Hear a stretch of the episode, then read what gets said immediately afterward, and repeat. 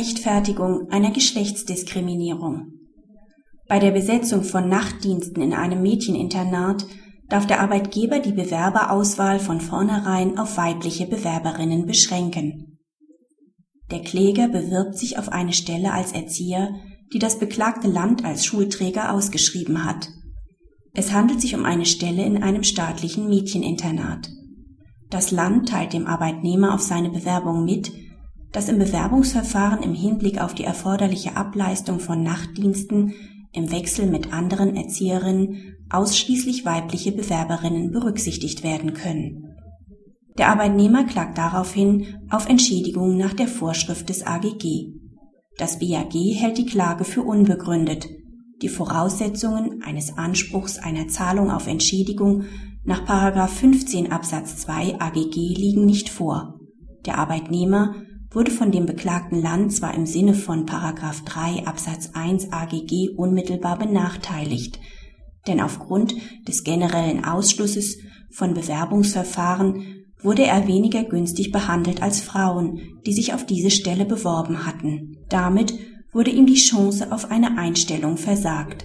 Die unterschiedliche Behandlung war allerdings nach 8 Absatz 1 AGG zulässig, da das Geschlecht im vorliegenden Fall aufgrund der Art der auszuübenden Tätigkeit eine wesentliche und entscheidende berufliche Anforderung darstellt und die damit verbundene Zwecksetzung rechtmäßig und angemessen ist. Von einer wesentlichen und entscheidenden beruflichen Anforderung ist dann auszugehen, wenn ein bestimmtes Merkmal unverzichtbare Voraussetzung für die Ausübung der Tätigkeit ist. Das bedeutet, dass die Tätigkeit ohne ein bestimmtes Merkmal entweder gar nicht oder nicht ordnungsgemäß durchgeführt werden kann und das Merkmal somit prägende Bedeutung für die auszuübende Tätigkeit hat.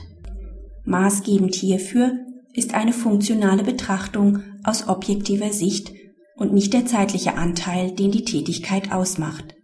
Entscheidend ist, ob das vom Arbeitgeber erstellte Anforderungsprofil ein bestimmtes Geschlecht erfordert, um die vom Arbeitgeber definierten unternehmerischen Zwecke zu verwirklichen.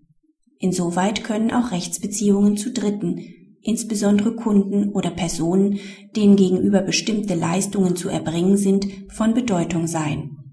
Im vorliegenden Fall ergibt sich die Unverzichtbarkeit des weiblichen Geschlechts für die Ausübung der erzieherischen Tätigkeit daraus, dass die abzuleistenden Nachtdienste eine unmittelbare Kontrolle der Mädchenzimmer, der angeschlossenen Dusch- und Sanitärräume sowie gegebenenfalls auch eine ärztliche Erstversorgung erkrankter Schülerinnen beinhalten.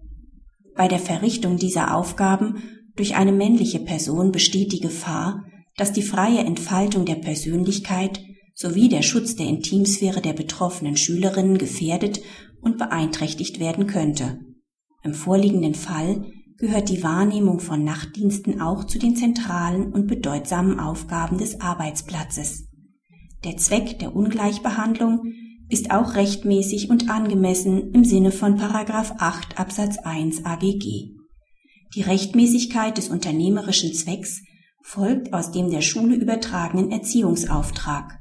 Die Angemessenheit der Anforderung erfordert im Sinne einer Verhältnismäßigkeitsprüfung, dass der Arbeitgeber das Anforderungsprofil im Hinblick auf die Verfolgung seiner Zwecke nicht willkürlich oder in offensichtlich unsachlicher Weise festgelegt hat und der Schutz der Beschäftigten von Benachteiligungen wegen eines in 1 AGG genannten Grundes somit nicht unangemessen zurückgedrängt wird. Im vorliegenden Fall ist nicht zu beanstanden, dass Nachtdienste in einem Mädchengebäude wechselweise durch vier Erzieherinnen wahrgenommen werden sollen. Diese Arbeitsorganisation bestand auch schon länger vor der streitgegenständlichen Stellenausschreibung.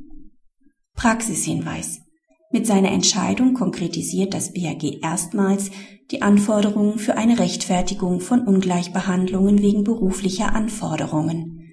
Wesentliche Abweichungen zur früheren Rechtslage ergeben sich dabei nicht.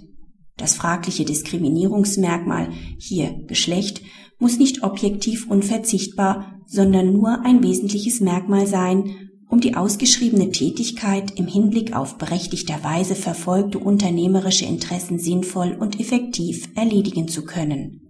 Besonders groß sind die Handlungsspielräume des Arbeitgebers dort, wo berechtigte Interessen Dritter betroffen sind